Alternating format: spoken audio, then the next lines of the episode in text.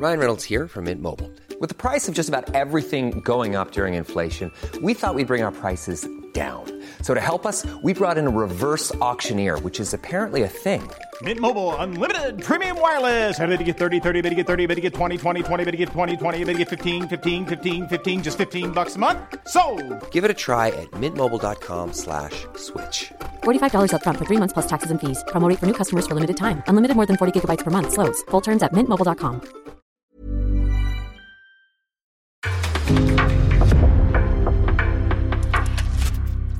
En podcast från Aftonbladet. In the supermarket, you have eggs class 1, class 2, class 3. And some are more expensive than others, and some give you better omelets. That's the wrong information. Wrong, wrong, wrong information. I didn't say that. That's the wrong information. Do you think I'm an idiot? Wrong, wrong, wrong information. Now look at me when I talk to you. Your job is to tell the truth. That's the wrong information. Sillypodden, vi har ett dygn kvar, lite drygt, utav eh, sommarens eh, transferfönster. Det känns inte som det är sommar längre när man är där ute. Eh, och det är ju också sommaren som tar slut imorgon. Eh, så är det ju. Det, det säkraste hösttecknet av dem alla, deadline day, är upon us. Ehm, vi har lite, i alla fall, att eh, gå igenom idag som har hänt eh, de senaste eh, timmarna. Vi ehm, framför allt som det är så här med kort kvar så får vi väl helt enkelt konstatera att några av de stora eh, snackisarna för sommaren antagligen inte kommer bli av. Eh, och det är väl där vi eh, eh, får börja. Vi kan konstatera, vi har ju pratat mycket om Anthony och den övergången, den är officiellt klar. Sommarens dyraste värvning eh, blev det till slut. Det trodde man ju inte för några månader sedan att ehm, vad var det någon skrev på Twitter? Jag tyckte jag skrockade åt Äh, det. det- Eh, 100 million dollars. 100 million eh, dollar fidget spinner. ja, precis. Ja, det är otroligt 100 mil for a fidget spinner. Eh, men, men det är ju en, eh, en jättespännande spelare såklart. Eh, det ska bli oerhört roligt att se honom. Han har ju en, eh, en, en eh, fantastisk teknik och, och det var också otroligt eh, på något sätt boomeraktigt av eh, Manchester Uniteds officiella Twitterkonto att bara skriva Joga Bonito och en brasiliansk flagga. Jag vet inte, det var något härligt boomerigt över det. Eh, Du, man tänker bara på gamla Nike-videorna med Ronaldinho. Det är Ja, ju det men man gör. Precis, alltså, Nej, med- men, och det, är ju, det är ju 20 plus år sedan. Eh, Ja, det, det måste, ja 20 plus vet jag nej, inte, men det är runt typ, 20 typ, någonstans. typ 20 år sedan. Ja men hela den Yoga Bonito med de här coola, guldiga, fräsiga exakt. texterna och allt vad man höll på med. Ja, Exakt. eh, Ja, kanske, inte, kanske inte 20 år sedan, men det är i alla fall 15 år sedan. ja det, är- det är många år sedan i alla fall. Eh, Eh, jag ty- det, det piggade upp i alla fall. Ett, en, en, en, en, gam, en gammal man eh, som jag. Ehm, Frågan är hur mycket Antoni piggar upp, men det, det är väl det han ska göra. För att det de har värvat är ju fart, fläkt, flärd, eh, teknik, poängfot. En spelare som inte bara värvas på spontanitet, utan som har pekats ut tidigt i det här fönstret. Sen när man tittar på andra alternativ samtidigt, men det är vad spelare man ville ha. Och ja, det är ett hiskeligt överpris för en spelare som bara har spelat två säsonger i nederländska ligan och inget mer i Europa. Det är det. Men han är 22 år, han är landslagsman och ja, vi får hoppas att det, det blir bra och väl investerade pengar för United. frågan är ifall det då innebär att det blir en Antoni in, en Antoni ut. Eh, vad det får för effekt på, på Antoni Elanga är ju det, den frågan man ställer sig nu. Det finns ju uppgifter runt att han eventuellt då kan lånas ut för att få eh, speltid. Nu har han ju startat under eh, Ten Hag här under senaste veckan. Så kanske kommer det finnas speltid ändå för honom. Det är inte så att det är helt överbefolkat i, i Manchester Uniteds anfall. Också lite beroende på vad som händer då med Cristiano Ronaldo, en av sommarens såklart allra största stories. Eh, nu, verkar, nu kommer det uppgifter, jag vet inte hur mycket man ska eh, ge för dem, men som verkar vara röster inifrån Manchester Uniteds omklädningsrum, där spelarna inte verkar direkt missnöjda över uppgifterna om att Cristiano Ronaldo vill lämna. Eh, han ska ha en, eh, det förstår ju vem som helst, det är, det är en stor personlighet, det är ett stort ego. Eh, han tar upp väldigt mycket plats i ett omklädningsrum och i ett omklädningsrum som inte har mått speciellt bra den senaste tiden så, så är han kanske eh, inte precis vad man behöver. Eh, det är någonting vi har misstänkt eh, och pratat om tidigare också och de här uppgifterna som kommer nu, det är väl amerikanska ISPN som har ehm, publicerat eh, originaluppgifterna som då ska komma inifrån omklädningsrummet, att det till och med jublades bland vissa spelare när eh, Ronaldo meddelade klubben att han, hans intentioner att lämna under sommaren. Eh, får vi se vad det blir så. Det är ett dygn kvar och verkar inte finnas någonting riktigt konkret på bordet än så länge. Vad- Emanuel Dennis-reaktionerna, de som Watford omklädningsrummet hade när han gick till Nottingham. eh, nej, det, det kom ju lite uppgifter i Athletic dock om att Ronaldo ska ha börjat visa någon form av lite mer positiv hållning och attityd till saker och ting på, på anläggningen under senare dagar. Och det kan att, ju in... också för att han inser att det inte kommer bli något, Exakt något så. flytt. Eh, så att just nu så är det ju lite tecken på att han kanske ändå kommer stanna. Det har varit ett ganska omtumlande år det året han har haft. Det är ju exakt ett år sedan som han tackade nej till Manchester City eh, och en kovändning hamnade i Manchester United. Det är, jag tror att den förskrivna krönikan på Ronaldo till City fortfarande ligger i vårt system någonstans. För den låg ju redo där, det ansågs ju vara klart, Manchester City. Men han valde United istället i sista sekund och jag tror, vet inte om någon part i sammanhanget, ja möjligtvis City då, är nöjda med hur den sagan utvecklade sig för ett år sedan. Man minns ju fortfarande, det är en av de mest minnesvärda silly season-kvällar som vi har haft skulle jag säga, de här vändningarna med Cristiano Ronaldo som var där dagen innan deadline day i förra sommaren. Visst. Eh, så att, eh, men vi får väl se om Jorge Mendes lyckas trolla fram någonting igen. Han ska ju ha försökt att sätta käppar i hjulet för den här Antoni-värvningen. Eh, för att han inser att en av utgångarna som Cristiano Ronaldo hade var ju att United går för Victor Osimhen istället. Om de lägger en miljard på Victor Osimhen så kan Ronaldo alltså seamlessly flytta till Napoli, som ju är en av klubbarna som är aktuella, som faktiskt vill ha honom. Men nu vart det ju pengar på Anton istället. Man är på väg att, jag vet inte ens om han har presenterats än, men eh, Dubravka ska in som andra keeper. Och sen så är det väl möjligtvis att det dyker upp en högerback sista timmarna av fönstret här, för att det är ju såväl Serginho Dest i Barcelona som sitter i någon sorts limbo där, som Thomas Monier som skulle kunna vara tillgänglig på någon form av lån, som skulle kunna komma in. Då också skeppa Aron Wan-Bissaka till, ja möjligtvis tillbaka till Crystal Palace eller vad de nu gör. Men jag tror inte att det sker så mycket mer i United än så. Om det inte händer någonting riktigt, riktigt oväntat. För känslan jag har just nu är att vi är i någon sorts stormens öga.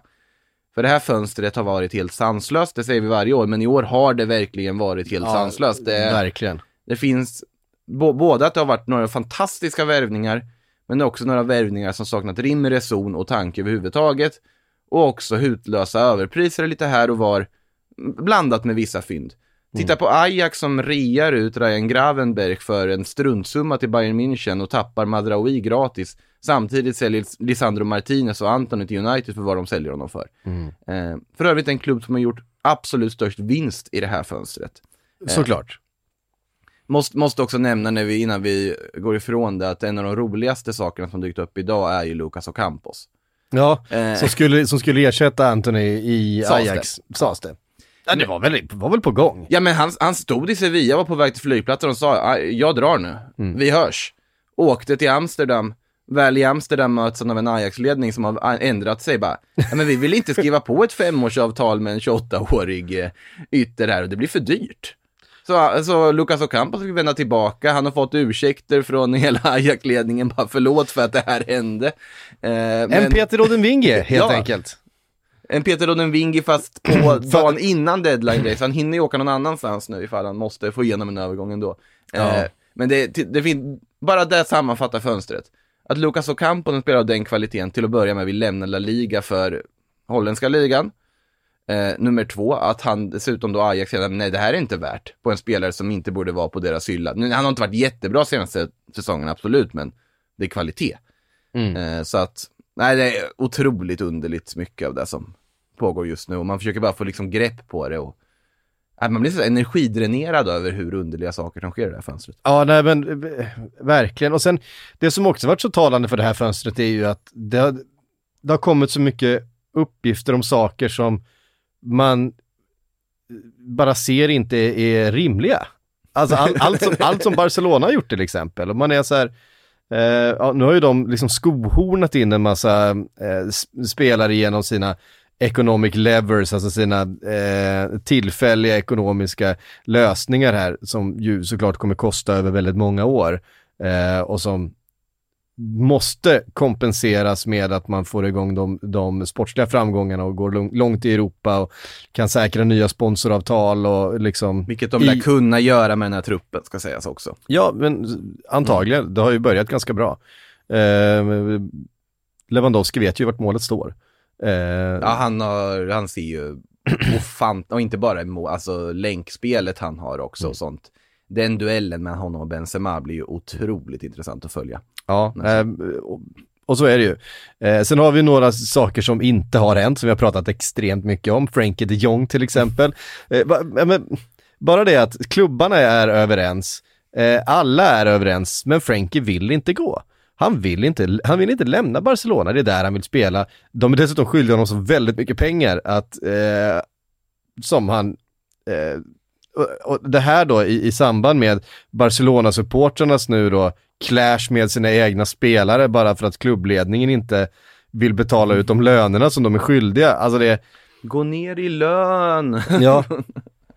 Nej, det... Alltså det konstiga med Frenkie de Jong-historien är att nu har vi hamnat i en sorts läge där, ja men han blir kvar. Det är ju helt mm. uppenbart att han blir kvar. Visst. Men har vi bara glömt bort att de egentligen inte hade råd att ha kvar honom? Nej, det är ju det liksom.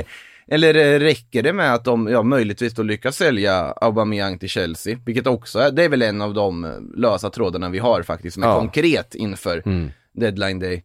Eh, vad händer med Memphis Depay? Kommer de riva hans kontrakt eller inte? Har han en klubb han vill gå till nu när Juventus-affären kraschade?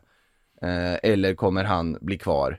Är United fortfarande aktuellt? Är Tottenham aktuellt? Mm. Eh, finns ju lite klubbar som det skulle kunna kunna bli någonting med där möjligtvis. Chelsea tror inte jag ska räkna bort där heller om de Nej. är i panik och kris och måste få in, för de måste ju få in anfallare. Vi såg hur det såg ut mot Southampton igår. Ja, precis. Det, torsk mot Southampton igår och bedrövlig fotbollsmatch från, från Chelsea. Alltså jag, jag börjar tappa tålamodet med Kai Havertz. Ja. Och jag har haft väldigt mycket tålamod med Kai Havertz, ska sägas. Och ja. håller honom väldigt han var, högt. Han var, alltså, Raheem Sterling är ju en, en fantastisk värvning mm. och han var ju den enda ljusglimten igår i, i, det, i Chelseas anfall. Han gör ju första målet också och är ju den som försöker, han är ju den som skapar något. Mm. De andra vet jag inte riktigt vad de sysslar med. Mason Mount ser inte ut som sig själv överhuvudtaget. Nej. Eh, Havertz vet jag inte heller, men de måste ju värva en anfallare. Ja. Och det är därför jag inte vill utesluta Ronaldo till Chelsea. Det är därför jag inte vill utesluta att de kan ta ett sånt drastiskt drag sista, sista stunden på det här fönstret. Eh, och det skulle inte förvåna för att det känns som att ett sånt här galet fönster, att det skulle vara ganska passande avslut på alltihop, att en sån övergång ändå skulle ske. Mm. Om det nu skulle skita sig med Aubameyang. Om de inte vill ha in två spelare, men då, ja nej. Jag vet inte, ja, Hakim Ziyech dök upp från ingenstans. Jag trodde han skulle bort, men ja, uh, plötsligt var han i en startelva och uh, var kvar på plan också, i princip hela matchen. Så, mycket Han var heller inget bra. Nej, nej han, han, har ju kvalitet, men jag, jag förstår inte varför han inte Milan pushade för den mer än vad de gjorde, för det hade jag velat se. Mm. Uh, Milan som också var fullkomligt uddlösa mot Sassuolo här nu igår. Det är ju Midweek-omgångar både i England och i Italien. Precis.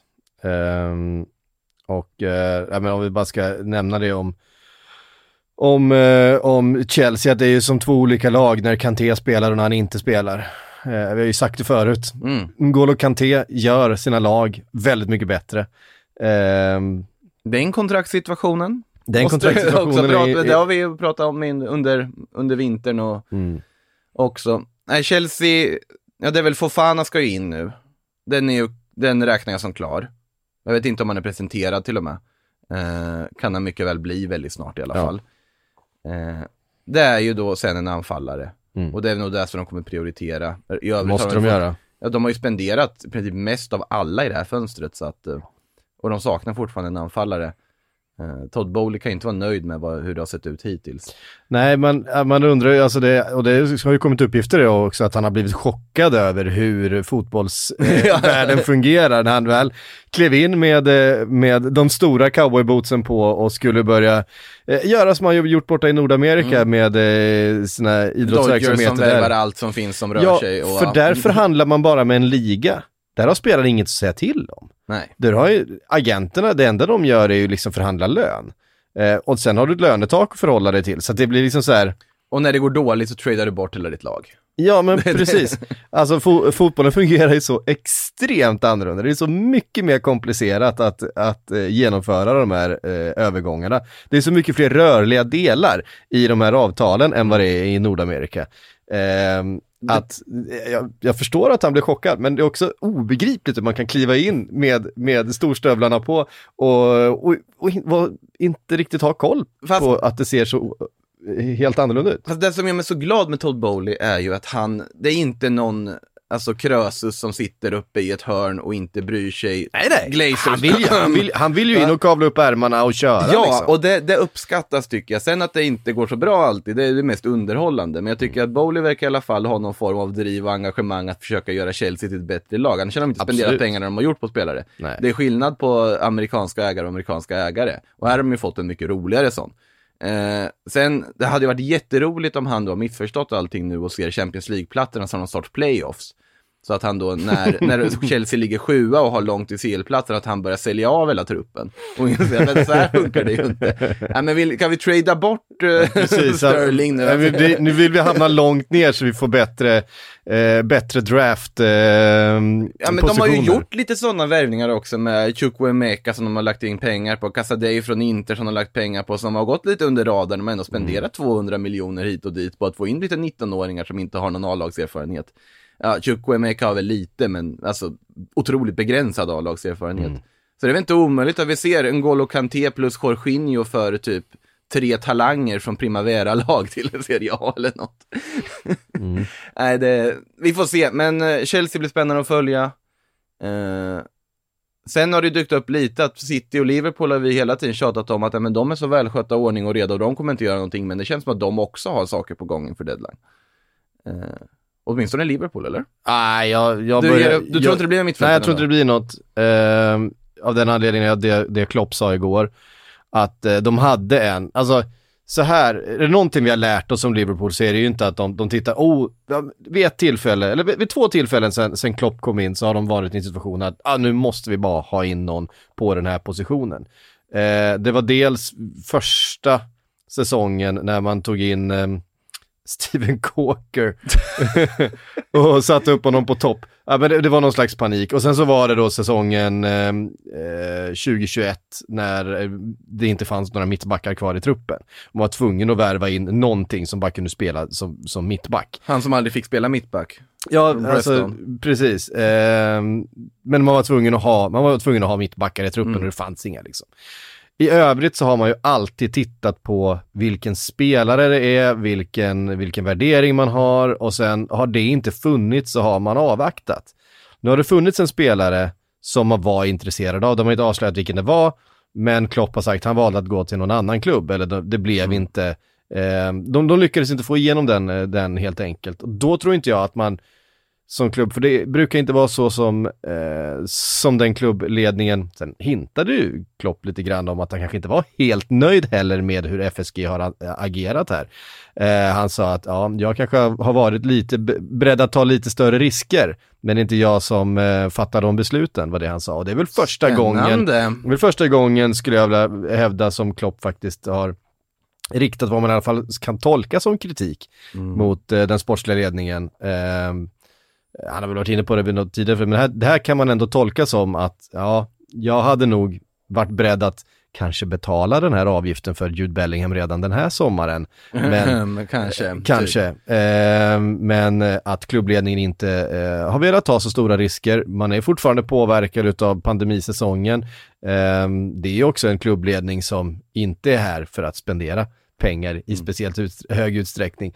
Eh, man håller ganska hårt i plånboken i, eh, i, den sportsliga ledningen i Liverpool och det, det vet vi sedan tidigare. Det är lite sell to buy eh, inställning som man har. Sen att klubben tjänar mycket pengar och då också kan spendera mycket pengar. Man har spenderat jättemycket pengar på Darwin, till, eh, Nunez till exempel i sommar. Han kostade ofantligt mycket. Ehm, men det är inte nivåerna som Manchester United spenderar, det är inte nivåerna som Chelsea spenderar, det är inte nivåerna som, som Manchester City spenderar. Eh, till slut, eller Arsenal för den delen. Eh, så att eh, förr eller senare så, så eh, kanske man måste investera för att inte halka efter. Eller åtminstone för att behålla sin position. Ja, det, det, det kommer de Eh, nu säkert göra också. Nu finns det ju liksom uppenbara behov på mittfältet. Ehm, och ehm, ja, kanske, vi, vi får se vad som händer. Jag tror inte att det kommer hända något, för jag tror att man hade identifierat en spelare, det blev inte den Vi spelaren. måste gissa. Då- Vilken spelare var det som man identifierat? Som Eh, har valt en annan klubb. Alltså, det, alltså Fabian Ruiz är ju ett alternativ jag kan tänka mig att det skulle kunna vara. Fabian Ruiz är definitivt ett, eh, ett namn som jag Lucas tror... Paquetá tror jag kan också vara Det kan ha varit Paquetá.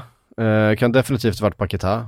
Ehm, Douglas, eh, Douglas Luiz är ju fortfarande tillgänglig. Ja, men det vet vi ju inte. Att om, det kan ju vara så att, har, att han har bestämt sig att, att Mm. agenterna har skickat signaler att nej. Tänk, tänk om det var Jude Bellingham som har bestämt sig för något annat och flytta söderut istället. Ah, nej, det tror jag inte. Eh, för att det, Thielemans. Det som, det som, ja men Thielemans definitivt skulle det kunna vara. Men varför skulle han välja bort Liverpool för, ja, För Leicester? Nej, jag vet inte. eller för en Eh, annan typ Eller för, annan eller för någon, annan, exempel. någon annan klubb just eh, här nu. Jag vet inte. Men jag tror också att det ha- handlar kanske om att man inte har eh, mött en, eh, ett löneanspråk till exempel. Att man inte har kommit överens om, om, om någon sån detalj. Ehm, därför att, ja, det, är- det är ju klart att, jag menar, är man Paquetá och Liverpool kommer in och erbjuder exakt samma sak som Mm. West Ham gör. Ja, det är ganska svårt att se att man väljer West Ham då, om jag ska vara riktigt ärlig. Ja, det, det, det, det ska ju sägas, men man vet ju inte idag med tanke på att vad mittenklubbarna har värvat. Nej, men, men sen, kan sen är det också så här att ja, men gå till West Ham och bli Stjärna. en stjärna, få precis den lönen kanske man vill ha. Inte vara ett alternativ som måste kunna roteras, kliva in på en eh, ganska låg lön, eh, eller låg, kanske högre än vad man hade i Lyon, men inte det som man erbjöds i West Ham. Menar, det, det, finns ju massa olika ar- argument. Ehm, Det är verkligen en helt sanslös värvning ska sägas, att West Ham löser Mm. Paquetá. Jag tror, vet inte om, alltså han är, var en av Lyons absolut bästa spelare i fjol, en av ligans absolut bästa mittfältare. Det här är inte den här osäkra spelaren som kom till Milan för massa år sedan, utan det här är en spelare som utvecklats till något helt annat.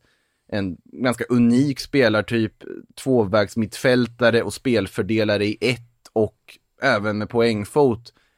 Eh, han, det är en helt enormt kap och enorm fjäder i hatten för West Ham att lyckas lösa den här.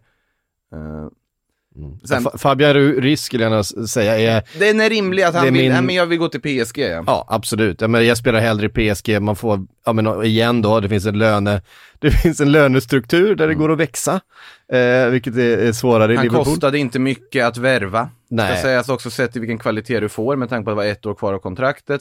Både Mm. Real Madrid och Barcelona kopplas till honom jättelänge, men PSG gick in och plockade honom nu och han är ju officiellt presenterad från, Ja. sen igår. Man är spanjor, man kanske hellre bor i Paris än i Liverpool. Sådana saker spelar in också. Ehm, och så vidare. Ja, vi får se. Måste, Men, måste vi prata PSGs mittfält också. Hey, I'm Ryan Reynolds. At Mint Mobile, we like to do the opposite of what Big Wireless does. They charge you a lot, we charge you a little. So naturally, when they announced they'd be raising their prices due to inflation, we decided to deflate our prices due to not hating you. That's right. We're cutting the price of Mint Unlimited from $30 a month to just $15 a month. Give it a try at mintmobile.com slash switch. $45 upfront for three months plus taxes and fees. Promo rate for new customers for limited time. Unlimited more than 40 gigabytes per month. Slows. Full terms at mintmobile.com. Eh, de, har, de har ett helt nytt mittfält. Ja, men jag förstår inte riktigt vad som är tanken här just nu, för Verratti är ju där och han är fantastisk. Vitinha har värvat in och eh, har spelat bredvid Verratti och gjort det jättebra. Eh, smart värvning där på alla sätt och vis. Eh, Renato Sanchez har värvats in så att Milan inte fick spelaren de ville ha. Eh, vet inte riktigt vilken roll han ska ha, men det var ju Luis eh, Campos som pekade ut honom och ville ha dit honom, som efter att ha haft honom i Lille tidigare. Fabian Ruiz, absolut, han bidrar med ytterligare en dimension till det mittfältet också. Och nu ska Carlos Soler in också. Nu har ju i och för sig Soler spelat högerytter mycket i Valencia och byggt någon sorts egen roll och är väldigt mångsidig och otroligt duktig spelare och det är ett fyndpris de får honom för. Men hur ska de få ihop det här? För de har ju spelat en 3-4-3 under Galtier med två innermittfältare. Så var, vart ska alla in? Det, det har inte jag riktigt eh, listat ut med tanke på att du har Neymar, Messi, och Mbappé på topp. Så att var, vart, vart ska alla de här spelarna då värvat spela? Nej, Hur ska det- du få ihop det här? Nu har man skepp- skeppat Paredes, Du Mm. lär skeppa Idrissa Ganagay till, eh, till Everton, då verkar Mm. väl som att det Tillbaka. blir ändå. Mm. Eh, du har, eh, nu ska vi se om det är någon annan man har skeppat. Jag har såklart Wijnaldum som dessvärre också blev skadad tidigt där i, Mm. i Roma. Och så vidare. Som så, ändå inte spelade något i PSG Nej, förra säsongen. Danilo Pereira sitter kvar där någonstans tror jag också Ja. i truppen. Men jag vet inte riktigt vad de, eh, varför de ska ha så otroligt många mittfält eller om det är så att Galtier egentligen vill spela en annan fotboll, bara att han inte haft materialet för det innan. Eh, det får vi väl se. Men det är, intresse, det är två väldigt bra spanska mittfältare för reapris som PSG värvar in nu. Verkligen. Och de, de har någonting på gång sett till hur de har agerat i det här fönstret. Det är ju otroligt fotbollshipsterigt om man jämför med vad de har gjort tidigare och det är båda ganska gott tycker jag. För nu har de en ganska bra bas bakom de här megastjärnorna. Så vi får se vad det, vad det leder till här framöver också. Vi, ehm, eh, vi lämnar PSG då. Ehm, vi ska väl säga någonting mer om eh, de här eh, stängda butikerna. Vi pratade Ja. om Frankie, eh, den är stängd. Bernardo Silva, de hängde ju ihop. Det gjorde de nog. Barcelona.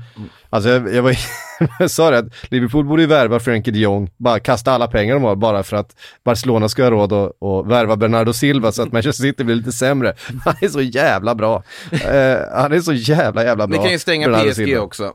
Jag tror Carlos Soler var deras backup-alternativ. De bara, okej det blir ingen Bernardo Silva, men vi tar Soler för att Valencia är så lätt att förhandla med och ge bort sin kapten. när, när de har någon form av positiv tendens den här säsongen. De bara, men det ser Ja. faktiskt bra ut under Gattuso. Oj, Cavani har kommit in. Ja. Det här kan bli jättekul.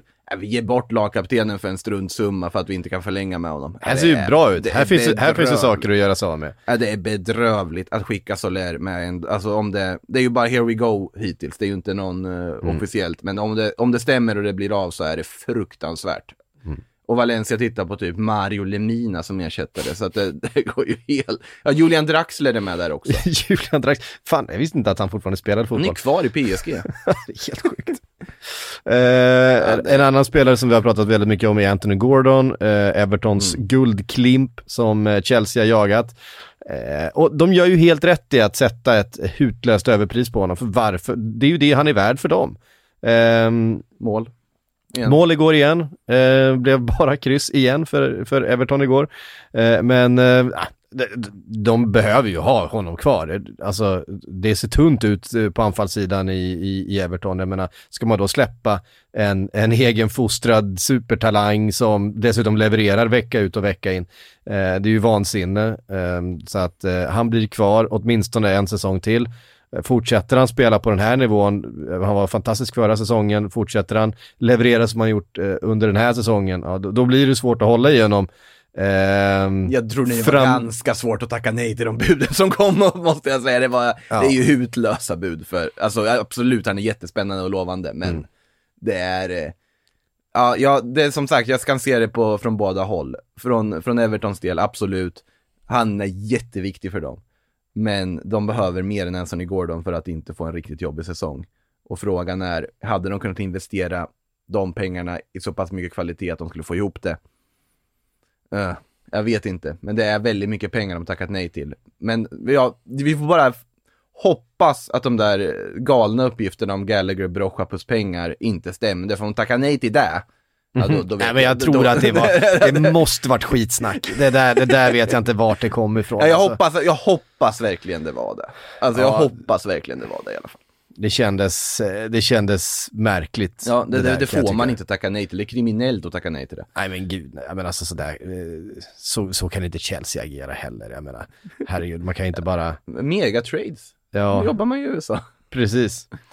Ehm, Newcastle, hörru. Ehm, man jobbar på att få Alexander Isak klar till kvällens match mot Liverpool. Ehm, Men eh, senast en och en halv timme före match måste arbetsintyget vara godkänt och stämplat och postat och eh, arkiverat och allt vad det måste vara. Jag vet inte hur det går till. Men ehm, eh, Eddie Howe sa det ligger inte i våra händer helt enkelt. Men man jobbar på, man hoppas att han ska spela, att han ska göra sin debut mot, eh, mot Liverpool ikväll.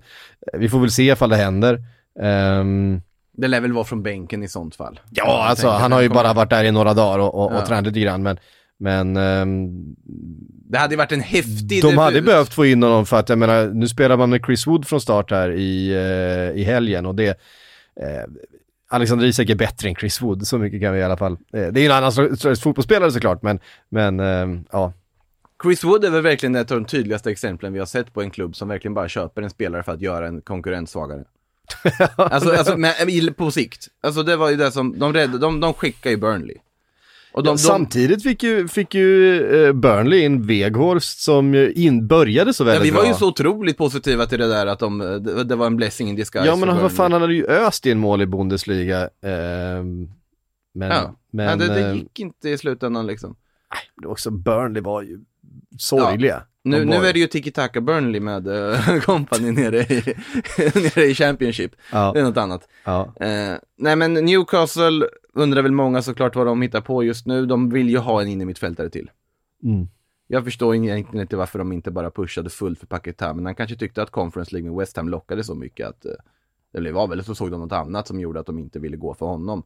Det finns ju anledning till att välja bort eh, Newcastle. Eh, Du, ska vi tro så gott om Paketa? Ja, Jag väljer att, att i alla fall hålla den dörren öppen. Ja, det, Eh. det hade ju piggat upp om det skulle vara så pass. Mm. Eh, nu har jag svårt att se att det skulle finnas en sån, Han sån såg det där grönvita stället de spelade med i helgen och kände att Nej, det- det, där, det, där, det där vill jag inte ställa mig i. Nej, så kan- har inte alla resonerat, men, eh, men har man, alla hop- man, man hoppas att det i alla fall finns någon som resonerar så. Det finns Eh, olika ja, grader av helvete såklart. Exakt så är det. eh, nej, vad... Här är, vi, här, är, här är vi långt ner. Ja, men vi, det, men eh, det läggs alltid till grader i den här fotbollsvärlden, det är det som är det värsta. Eh, vi en gång i tiden tyckte vi att det var förkastligt att spela för Red Bull-koncernen också. Och det, det känns som... Finns det ju fortfarande Ja, det är en liksom, annan eh, grad, Men, men men, men, vi är inte, vi är inte, det, är inte, det är inte riktigt på Saudi Den ska väl slänga Saudi-nivå. in, Emil Forsberg stängde ju alla dörrar här nu. Han har också stängt dörrarna. Ja, alltså det var ju mycket snack ändå med tanke på hur lite speltid han har fått och rejält missnöje. Nu gick han ju in och gjorde succé i kuppen mot något eh, riktigt... Uh, Brödgäng. ja, precis. Ja. Timo Werner gjorde väl tre mål, Forsberg Bara, gjorde... bara att Timo Werner gjorde tre mål, det, det säger allt om Ja, motståndet. ja, men Werner, ju, Leipzig tycker jag fortfarande är en klockren värvning ska sägas. Så det, det är Werner Bundesliga och Werner Premier League, två helt olika saker. Vi får se, vi får se. Ja, jag, jag, jag- är, jag, är lite inne på att Werners magi kanske är, alltså han levde högt på en, en lång formtopp kändes det som. Det, det är min, min teori i alla fall i, i, i RB Leipzig Nej, förra det- gången. Han saknar ju teknik. Han, han, saknar, han, han saknar ju, han är ju tekniskt obegåvad. Ja, Tekniskt obegåvad, alltså han kan framstå klumpig, men jag tror att det, har, det, det är ligaskillnader och det, det har inte nödvändigtvis att göra med om en liga är svårare än en annan, utan vissa ligor passar vissa spelare bättre, så enkelt är ja, det. jo så är det ju, Eh, viss, definitivt. Vissa egenskaper funkar bättre i vissa sammanhang och Timo Werner funkar alldeles klockrent i Bundesliga. Mm. Eh, det råder ingen tvekan om. Vi har sett sådana spelare som, många tyska spelare tycker jag som varit så här, Timo Werner i landslaget har aldrig varit någonting att hurra för. Tycker jag överlag, egentligen. Timo Werner ute i Europa, i Europamatcher har inte heller varit jättemycket att hurra för. Så att jag tror att han är en väldigt Bundesliga-kompatibel spelare och därför ser jag honom som en supervärvning av Leipzig. Eh, Ja, men det, där, det där är ju väldigt sant. Alltså, viss, vissa, vissa ligor, jag menar, Ja. eh, Chris Smalling flyttar till Italien och ser ut som Franco Baresi plötsligt liksom. det, är ju, det såg man ju inte komma. Den, ja, det ser ut som Franco Barry. Eh, Eh, det, det, Den var väl lite väl den, den, den, den, den smög sig ju på oss allihop. Eh, det var ju ingen som såg det framför sig. Calcio-vurmare på någon, någon sån här, ert stopp där höll jag på att säga, man har den liknelsen. Nej, jag hade gjort det jättebra i Italien, eh, Chris Smalling, inte tvekan säga den saken. Men Forsberg som sagt, Mm. eh, han gick ut och sa att Leipzig är min stad, min klubb, jag går ingenstans. Eh, nu, nu får ni sluta. Ja. Och det, det tycker jag är väldigt fint och han, han har ju blivit en uh, kulturbärare i klubben, det råder ingen tvekan om den saken. Eh, men, Eh, så att han, han kan vi väl stänga då, att han, han blir kvar också. Eh, om vi, vi får lita på hans ord där tycker jag. ja, han måste väl vara typ en av, en av lagets bäst betalda spelare vid det här laget också. Eh, han, han gick har det väl dit bra. när de var i Schweiz. Ja, jo, han ju. absolut. Är ju- han, han har varit med på hela resan. Ja, han, han, var, han var kulturbäraren för Leipzig, Alexander Isak blev nya kulturbäraren för Newcastle. Perfekt. Sven-Göran Eriksson var kulturbäraren för City när han kom. Ja, ja, ja. Han, har, han, han har varit har kulturbärare, bra, han, har har ett bra track record han, han har varit kulturbärare för så många tveksamma projekt. Ja, ja Sven är efter andra, andra roliga. Ja, men det var alltså Notts County med deras skumma ägare som sen bara försvann eh, upp i intet. Han var väl förbundskapten för Filippinerna, typ handplockad av eh, Duterte. Ehm, Vi har inte haft någon Nej, svensk det- MK Dons eller? eh, fan om inte Sven-Göran Eriksson har varit där också. En sväng? Nej, men det Ja. var ju bara Notts County. Jag tror inte han, MK Dons tror jag inte han rörde. Nej, det kanske inte var. Är det, är det fortfarande liksom eh, inne att totalt eh, hata på MK Dons? Eller har de liksom på något sätt, alltså, jag vet inte, tvättat bort det som skedde liksom när, när Wimbledon inte var Wimbledon? De är. Ja, det, den, den, Jag menar, han är, jag menar Svennis är nu i IF eh, Karlstad fotboll. Bara en sån sak, det är ju ett riktigt rövgäng. Karlstad. Karlstad, fy fan det- så omoraliskt. det är verkligen, eh, ja men det, det är ju, jag, tror vi, jag tror vi lämnade körschemat där lite. ja, eh, vi, nu, nu är vi långt borta. som det ska vara. Eh, vad var vi inne på innan vi kom in på Emil Forsberg, är det jag tänker på då? Eh, vad var vi någonstans? Jag ska Newcastle hitta- pratade hitta vi på. om och tveksamma klubbval och, ja, Ja, just det, mittfältsjakten. Mitt, mittfältsjakten, det är inte bara Newcastle, även, men vi har varit inne på Liverpools mittfältskris och Arsenals mittfältskris ska vi prata strax också om. Mm. Eh, vi får se vad som händer i Newcastle. Det, nu har man ju lagt stora pengar på Alexander Isak. Känslan är att man kan inte spendera hur mycket pengar till som helst på de här sista 24 timmarna. Eh, hittar man någonting, absolut, men annars så finns ju, Adrien Rabiot. nej, nej. Ja Alltså- men han måste ju röra på sig. Äh, för helvete, kan han inte bara lägga skorna på hyllan? Han måste, trött rö- på han måste röra på sig, så att det ska bli väldigt spännande att se hur, hur det här ska utvecklas för att Ja, nu var ju dyker väl Juven- Paredes är klar. Det är en klockren värvning av Juventus tycker jag, Mm. för övrigt. Verkligen. Men du har Paredes, du har Zakaria, du har Locatelli, Miretti som plockat upp från eh, B-laget, du har Pogba som är sparkapital när han kommer tillbaka från skada Visst. och kommer tillbaka från ja, hela den här helt bisarra historien med han och hans bror och familj eh, som är... Har du missat det här? Ja, det har jag helt missat. Har du missat det här? Var det förra veckan eller? När jag var bortrest? nej, nej, ja det började väl lite då. Men alltså, om vi ska dra det kortfattat, det kommer ju nya saker hela tiden. Men tydligen så ska ju Paul Pogba ha blivit utpressad av någon sorts gäng, där också hans bror Mattias Pogba varit inblandad. Där de sägs ha väldigt så här eh, känslig information som då skulle kunna förstöra hans rykte. Och den här informationen innefattar bland annat att Pogba då uppges ha anlitat en häxdoktor för att lägga en förbannelse på Kylian Mbappé. Och det, även så har det kommit, då, Mattias Pogba har även påpekat att eh, då hans bror Paul har lagt väldigt mycket pengar i allmänhet på häxdoktorer under sin karriär för att liksom motverka skador utan framgång.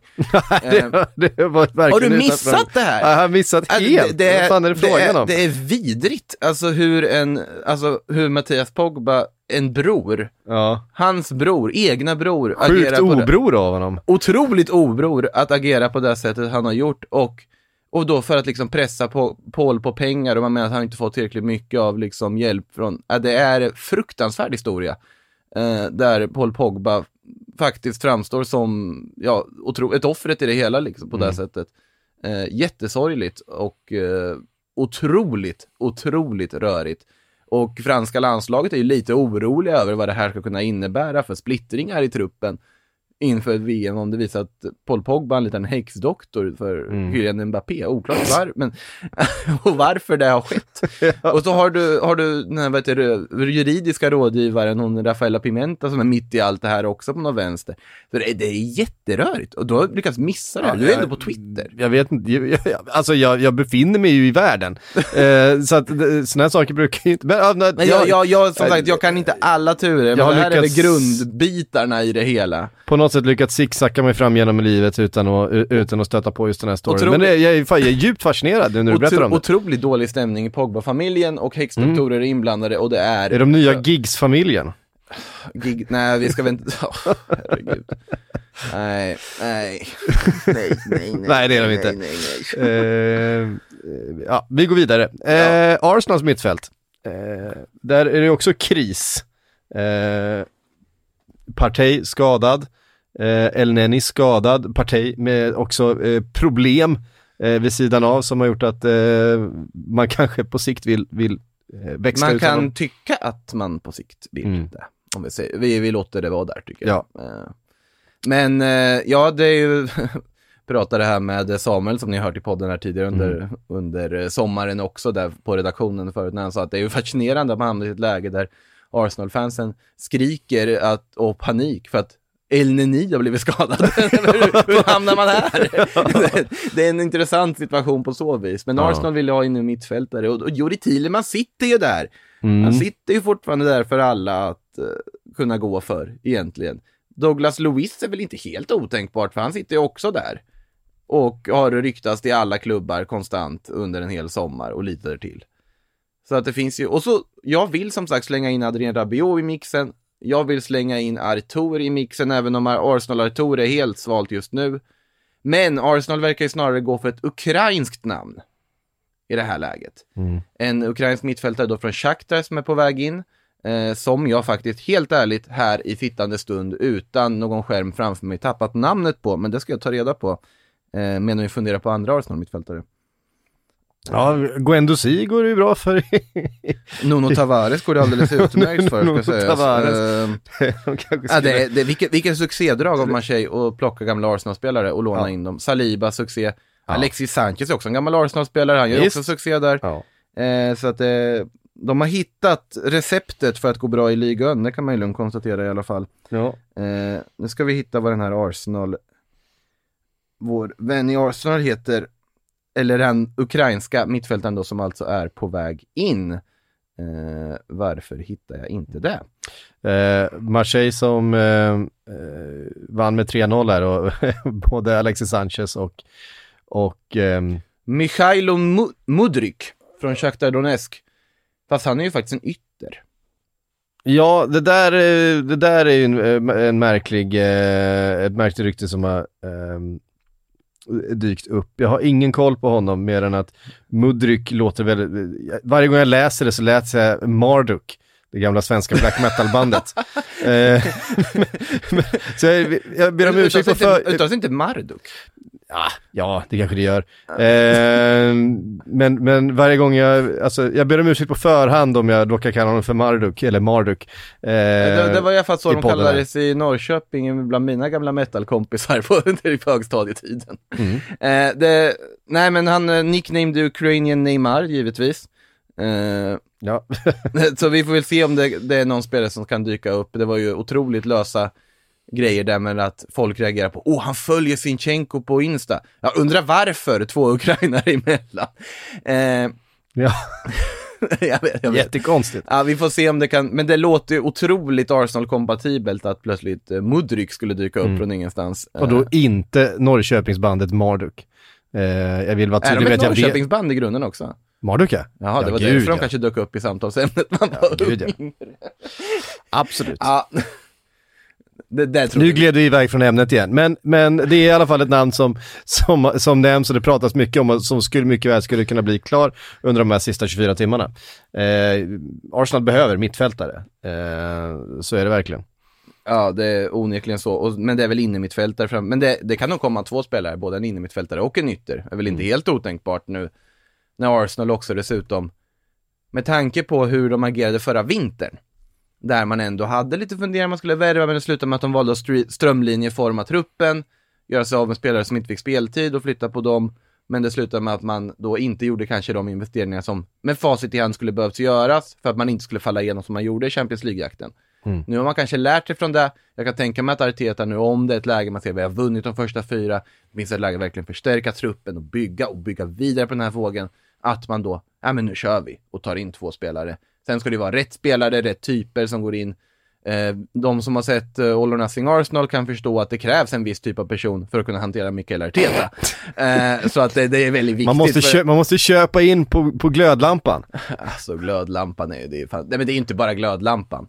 Eh, det är ju i princip varje avsnitt av den där serien som man, man ser detaljer som, ja det här, det behöver verkligen vara rätt person för att det här ska funka, att man inte ska tappa allt för att heta. Och Pierre-Emerick Aubameyang var det inte. Nej. Kan vi ju säga. Men eh, det, Arsenal har som sagt ändå något bra på gång och gjort ett jättefint fönster så att det är inte omöjligt att de faktiskt levererar här den sista.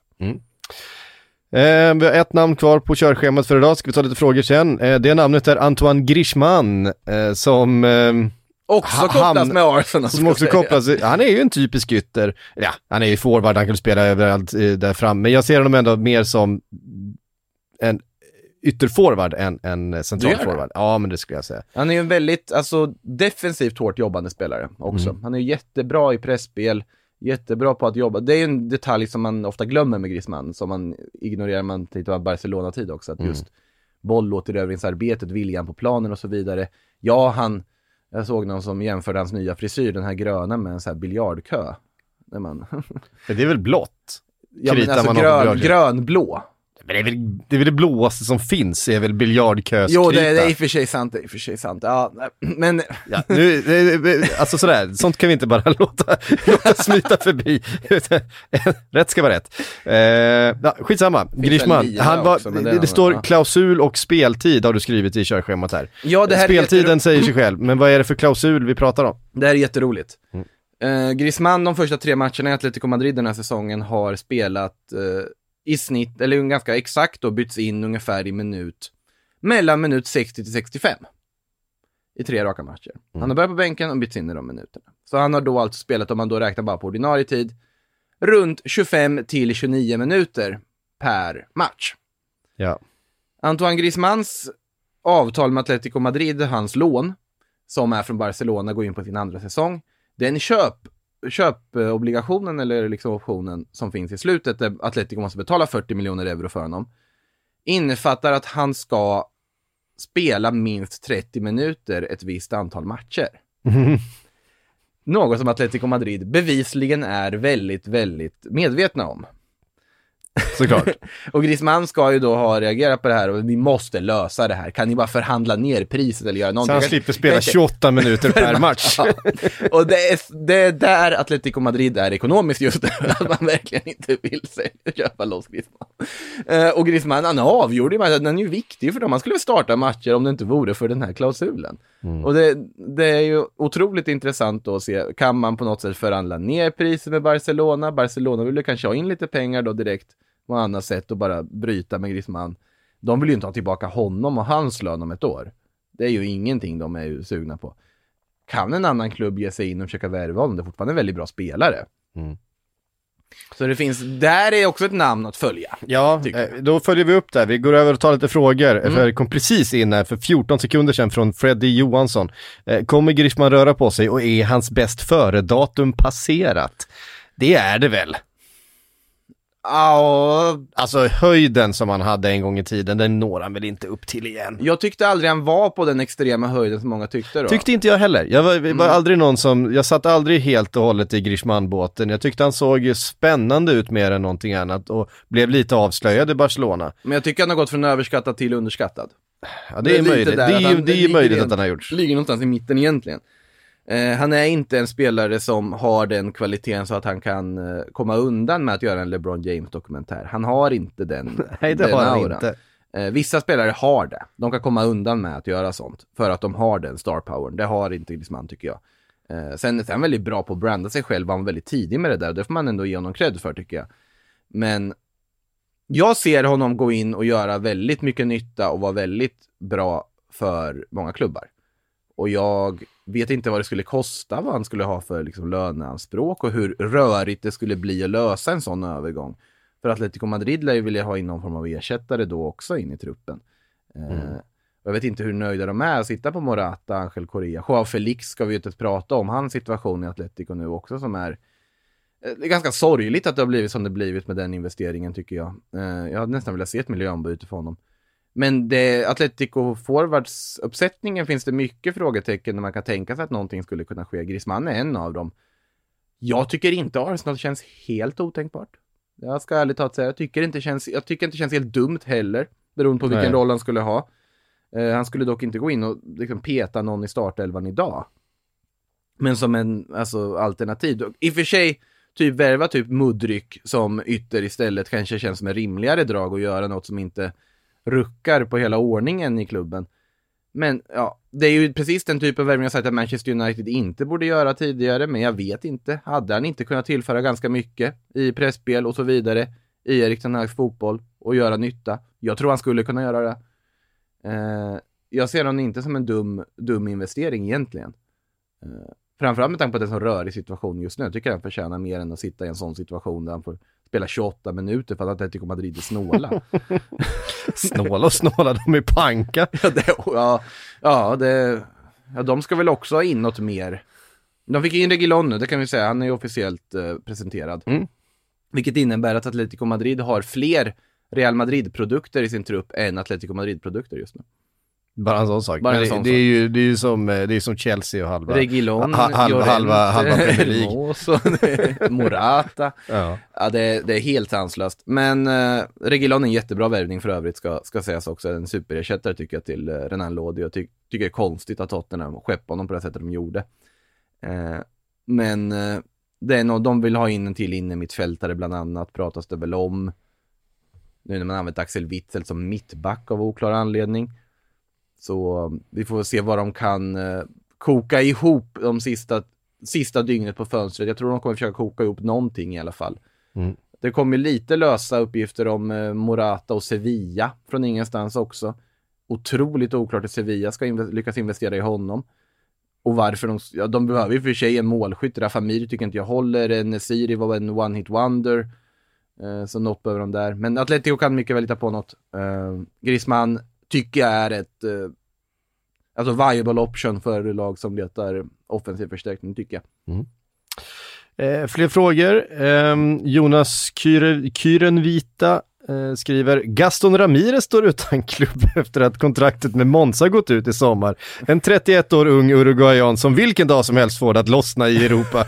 vilken klubb tar chansen? Jag tror att juryn är inte ens ute på Gaston Ramirez. De kom tillbaka för flera år sedan och, och klubbade flopp. Jag ser ju Cadiz stå redo, alltså det, ja, något sånt. Nej, alltså. man trodde ju, man, alltså, Gaston Ramirez levde ju lite grann på den där uruguayanska vågen som kom med, med, med eh, Cavani och Suarez och, och så vidare. Det, det dök ju upp liksom Urugu uruguayaner lite överallt som man hade höga förhoppningar på. Eh, det blev inte så mycket av Gaston Ramirez. Eh, han hade, han hade, han, det var ju en, det var ju en okej spelare en gång i tiden. Eh, jag tror inte att det är något för eh, någon, någon speciellt profilerad klubb att eh, lägga sina stora På tal om eh, spelare som hade en ljus framtid framför sig man trodde på, Mario Balotelli. Ja. Eh, schweiziska ligan. Och Ja. Sion ska han tydligen till nu. Ja, där ser man. Ja, det är verkligen ungefär så jag kände. Det var exakt så man reagerade. Jaha, Ja. han ska dit alltså. En, gång, en gång i tiden världens, världens hetaste fotbollsspelare. En gång i tiden spelade han för Liverpool. Ja, fy fan, påminn mig inte. Ehm, Anders Enroth skriver, vad tycker ni om eh, eh, Sasa Kalajd, Kalajdzic till Wolves? Bra, tycker jag. Beror, men alltså det, är- det är en två meter lång center target de får. Och det känns väl som precis vad det är Wolves precis, precis ha. vad de behöver med tanke på att eh, Jiménez inte är vad han var. 25 år gammal, eh, om jag inte helt minns fel här nu i huvudet. Eh, gjort det jättebra, spännande spelare, kopplades jättelänge med både United och Bayern München under det här fönstret. Mm. Eh, och sånt så här rykten som man tror ska bli någonting som inte blir någonting brukar sluta med att man hamnar i typ Wolves, Wolves. West Ham, eh, Nottingham. Framförallt Wolves. Ja men det är ju så, alltså Matteus ja. Nunes skulle det kunna varit Liverpools eh, Ja, kille precis. de ville ha till mittfältet mycket väl. Där Mm. de inte vill betala det som Wolves betalade för honom. Nej. Eh, för övrigt. Men nej, jag tycker det är en bra värvning. Och sen får vi se vad som händer med Huang Hee-Chan då, som inte kanske Mm. rosat marknaden i Wolves, men som... Eh, Bör, Jess- började ju pikt, men det har liksom eh, det, det, inte blivit så mycket av det. Kul att Jesse Marsh var ute och pratade om honom såklart han är på vår lista. ja, alltså såklart vi skulle vilja ha honom in. Ja. Och det kanske hade blivit jättebra att återförenas med honom. Ja men alltså han, han, jag vet inte, är det, är, det, är det ett för starkt ord att säga att han, att han öste i Salzburg, men han var ju ändå Han var riktigt, otroligt riktigt bra. i Salzburg, men det var ju den där trion. Huang Hee-Chan, Takumi Minamino och ja, en viss. Haaland. Ehm, ja, nej, men får se fall, fall Wang, han såg pigg ut i början eh, när han precis kom till, till Wolves, eh, det tyckte jag. Jag tycker det hade varit en bra värvning av Leeds, om Mm. de skulle lyckas få igenom typ något lån med en köpoption eller dylikt här under slutspurten. Nu när eh, Rodrigo fick den här otäcka skadan igår, Just det. dessutom, eh, ja, Bamford är skadad. eh, börjar bli lite tunt. Mm. Bamford spelade igår. Ja, han var väl skadad? Han var skadad. Då blandade han, han, han dök upp. Ja. Ehm, pest, eh, pasta pesto. eh, ja, ni får skylla er själva som har sådana här märkliga Twitternamn. Eh, Lindelöv undrar han bara frågetecken. Och eh, ja, eh, Lindelöv är ju skadad.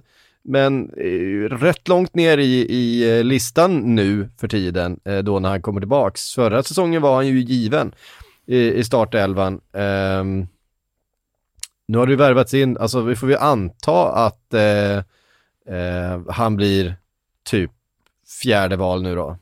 Går han före Maguire? Nej, Jag tror inte han gör det. Visst, Maguire är också petad nu, men det är ju, det är ju Martinez och, och eh, Varan som är...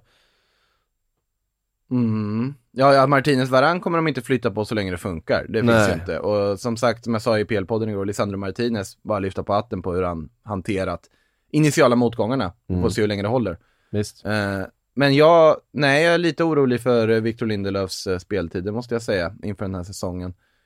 Eh, nu med tanke på hur saker och ting är utvecklat, med tanke på hur mycket Ten Hag ville ha in Lisandro Martinez och så vidare. Och hur mycket han velat hålla kvar i Harry Maguire samtidigt.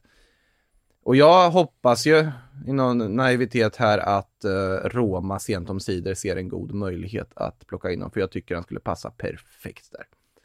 Eh, annars, vad kan man tänka sig för Lindelöf? Trebackslinje Ja. i Leicester. Ja, kanske. Ja, det, hade varit, det hade varit spännande att se Lindelöf faktiskt i Brighton. Om, eh, alltså, Ja, men det, de finns inte på kartan, han går till Brighton. ett så, ett så stort steg ner. Ja, tror inte jag finns. Nej, jag tror inte jag, Jag heller i och för alltså- sig. Han har väldigt hög lön och så vidare, men eh, det hade varit... Jag tror inte ens Leicester han är ju en, han, han, han är ju en, eh, en, en mittback med en, en väldigt spetsegenskap i sitt passningsspel. Han har ju det långa spelet, eh, Lindelöf, som han är väldigt skicklig på. Mm. Eh, och det hade varit kul att se honom med en tränare som hade kunnat utnyttja det på ett bra sätt, vilket jag tror att till exempel en Graham Potter, hade- han hade ju hittat något jävla sätt att få ut max av det. Så Ah. som man hittade ett jävla sätt att få ut max av alla sådana begränsade spelare, så att de får spela på sin bästa fot hela tiden. Men, men ur den, ur det, med det argumentet så ska man ju skicka alla till Brighton då. ja, men det, det, det, vill man ju. Ja, det skriver du under på, men då så. Då så då, ska ju skicka alla till Brighton. ja, vad, vad skulle han annars, hela ligaklubbarna har ju inga pengar. Nej, Sevilla har redan ersatt uh, Condé och Diego Carlos och där har säkert Augustin som sagt tog inte dit. Eh, Nej men alltså visst, man hade kunnat se Lindelöf kanske dra till Italien. Ehm, men... ehm, Atletico Madrid, Ja, eller kanske... som jag tycker behöver en mittback till Mm. egentligen också. Det hade varit jättespännande. Eh, Roma tycker jag som sagt hade varit ett superalternativ om det hade gått att genomföra på något sätt. Eh, För den största bristen som jag ser hos eh, Lindelöf är ju duellspelet egentligen. Så att... jag tror han eh, hade funkat jättebra i en trebackslinje. Mm. Jag tror han hade funkat jättebra i en trebackslinje. Eh, att, För det man vill se mer av, det, alltså han kom ju in i ett stim där under förra säsongen när Manchester United såg tröga Mm. ut, men, men där han faktiskt kom in i ett stim och slog flera jättefina passningar, hade ett par assist. Eh, men också var, när, alltså när resten utav, utav laget helt saknade kreativitet och, och uppspelsfötter, så stod han ju faktiskt för en hel del utav det. Eh, de där djupledsbollarna från, eh, från backlinjen som han är väldigt, väldigt bra på. Ehm, Inter behöver en mittback till. Det har ju Simone Inzaghi gått ut och sagt tydligt att eh, han är väl lite fundersam varför varför det fortfarande ryktas om Milan Skriniar och varför PSG fortfarande pratar om Milan Skriniar när de har sagt att vi kommer inte sälja Milan Skriniar. Om Skriniar skulle försvinna och Inter får lite panik. Varför inte Lindelöf? Verkligen. Anton Fjellner undrar vilket lag tar Anel Ahmedhodzic i januari? Han vräker ju in för Vad Sheffield. glad han såg ut i sin intervju, har du sett den? Med eh, efter målen. Det var jättekul att se att det har gått så bra. Jag var ju tveksam till Championship-steget, men Ja. Med tanke på harmonin han verkar fått, hur väl han kommit in, hur älskad han varit av fansen och ja, målsnittet. Eh, så det verkar ju vara en eh, match made in heaven för honom. Jag Så tror det också ju- att det, det är, är ju det, jättekul att jag se. tror att det är en bra klubb att vara i just nu. också. Så Blades har, men de har lite Premier League-pengar kvar, alltså det kommer fortsätta satsas, de vill upp igen. Ehm, visst att det, det var inte så muntert liksom förra säsongen, men ehm, jag vet inte, men jag tror att det, jag tror att det är ett bra, ett bra lag att vara i Ja, just han- nu. han De ju på- kommer ju... han är på bra väg att göra alltså 10 plus 10 också den här säsongen nu. Men han är 3 plus 1 redan nu och Championship har 100 matcher på en säsong. Ja. Så att, och då, då vet han ju att han kan gå till eh, Nottingham för en halv miljard eh, nästa sommar. Så det är perfekt ju. Någonting. Exakt. Eh, ja, Willy Bolli är på väg in till Nottingham också och så Sergio Rier så kommer upp i 20 värvningar eh, för övrigt. Får se om de kanske hittar den 21 här under sista dygnet. Mm, vi får se. Eh, hörni, det var allt vi hann idag. Nu är det 24. Nej, det är lite mer. Det är Jag vill slänga in en sak, för jag kom på det som, 36 timmar som försvann ur mitt, eh, mitt huvud, som jag tänkte slänga in och sen hamnar vi på helt andra villovägar. Mm. Men Anthony Elanga så pratade om i början. Ja, Leicester, lån. Jag bara, jag bara slänger ut den. visst. Att den inte... Det är så jävla, det är så jävla stelt och jag vet inte, Leicester känns så okul den här De är ju säsongen. på Jeremy Boga nu tror jag. De är, liksom, Lukman har gått till Atalanta och då ska Mm. Atalanta flytta på Jeremy Boga och då verkar Boga vara aktuell för Leicester. Det är väl det senaste jag, jag såg där. Men en högerytter vill de ju ha. Mm. Det är allt jag Så säger. Ja, ja det, det, det har varit spännande på ett sätt. Eh, på ett sätt också lite tråkigt, för jag tror att Leicester har en väldigt, väldigt ljummen säsong framför sig. Absolut. Men, men ehm, absolut. Det är 36 timmar kvar, ganska exakt utav eh, transferfönstret. Eh, från och med klockan sex imorgon. Vi kör igång en timme tidigare än vad brukar göra. Ja. Klockan eh, 18.00 drar vi igång eh, Deadline Day, livesändningen, sedvanliga uppesittarkvällen här på. Sportbladet med sedvanliga gäster och dylikt. Eh, och lite överraskningar också kanske under sändningens gång. Ja. Eh, så att eh, det, det blir ju som sagt, det blir lite chatt där under dagen också för er som är taggade och vill eh, lufta era funderingar. Big Sam inne och chattar om jag inte helt har fel Mm. på schemat. Eh, undertecknad i studion under kvällen, Patrik Syk dyker upp också. Ja då. Eh, så att eh, det ska bli kul. Mm, det ska göra. Det är alltid kul. Eh, men med det så säger vi på återhörande och sen så ses vi imorgon då. Tack för oss.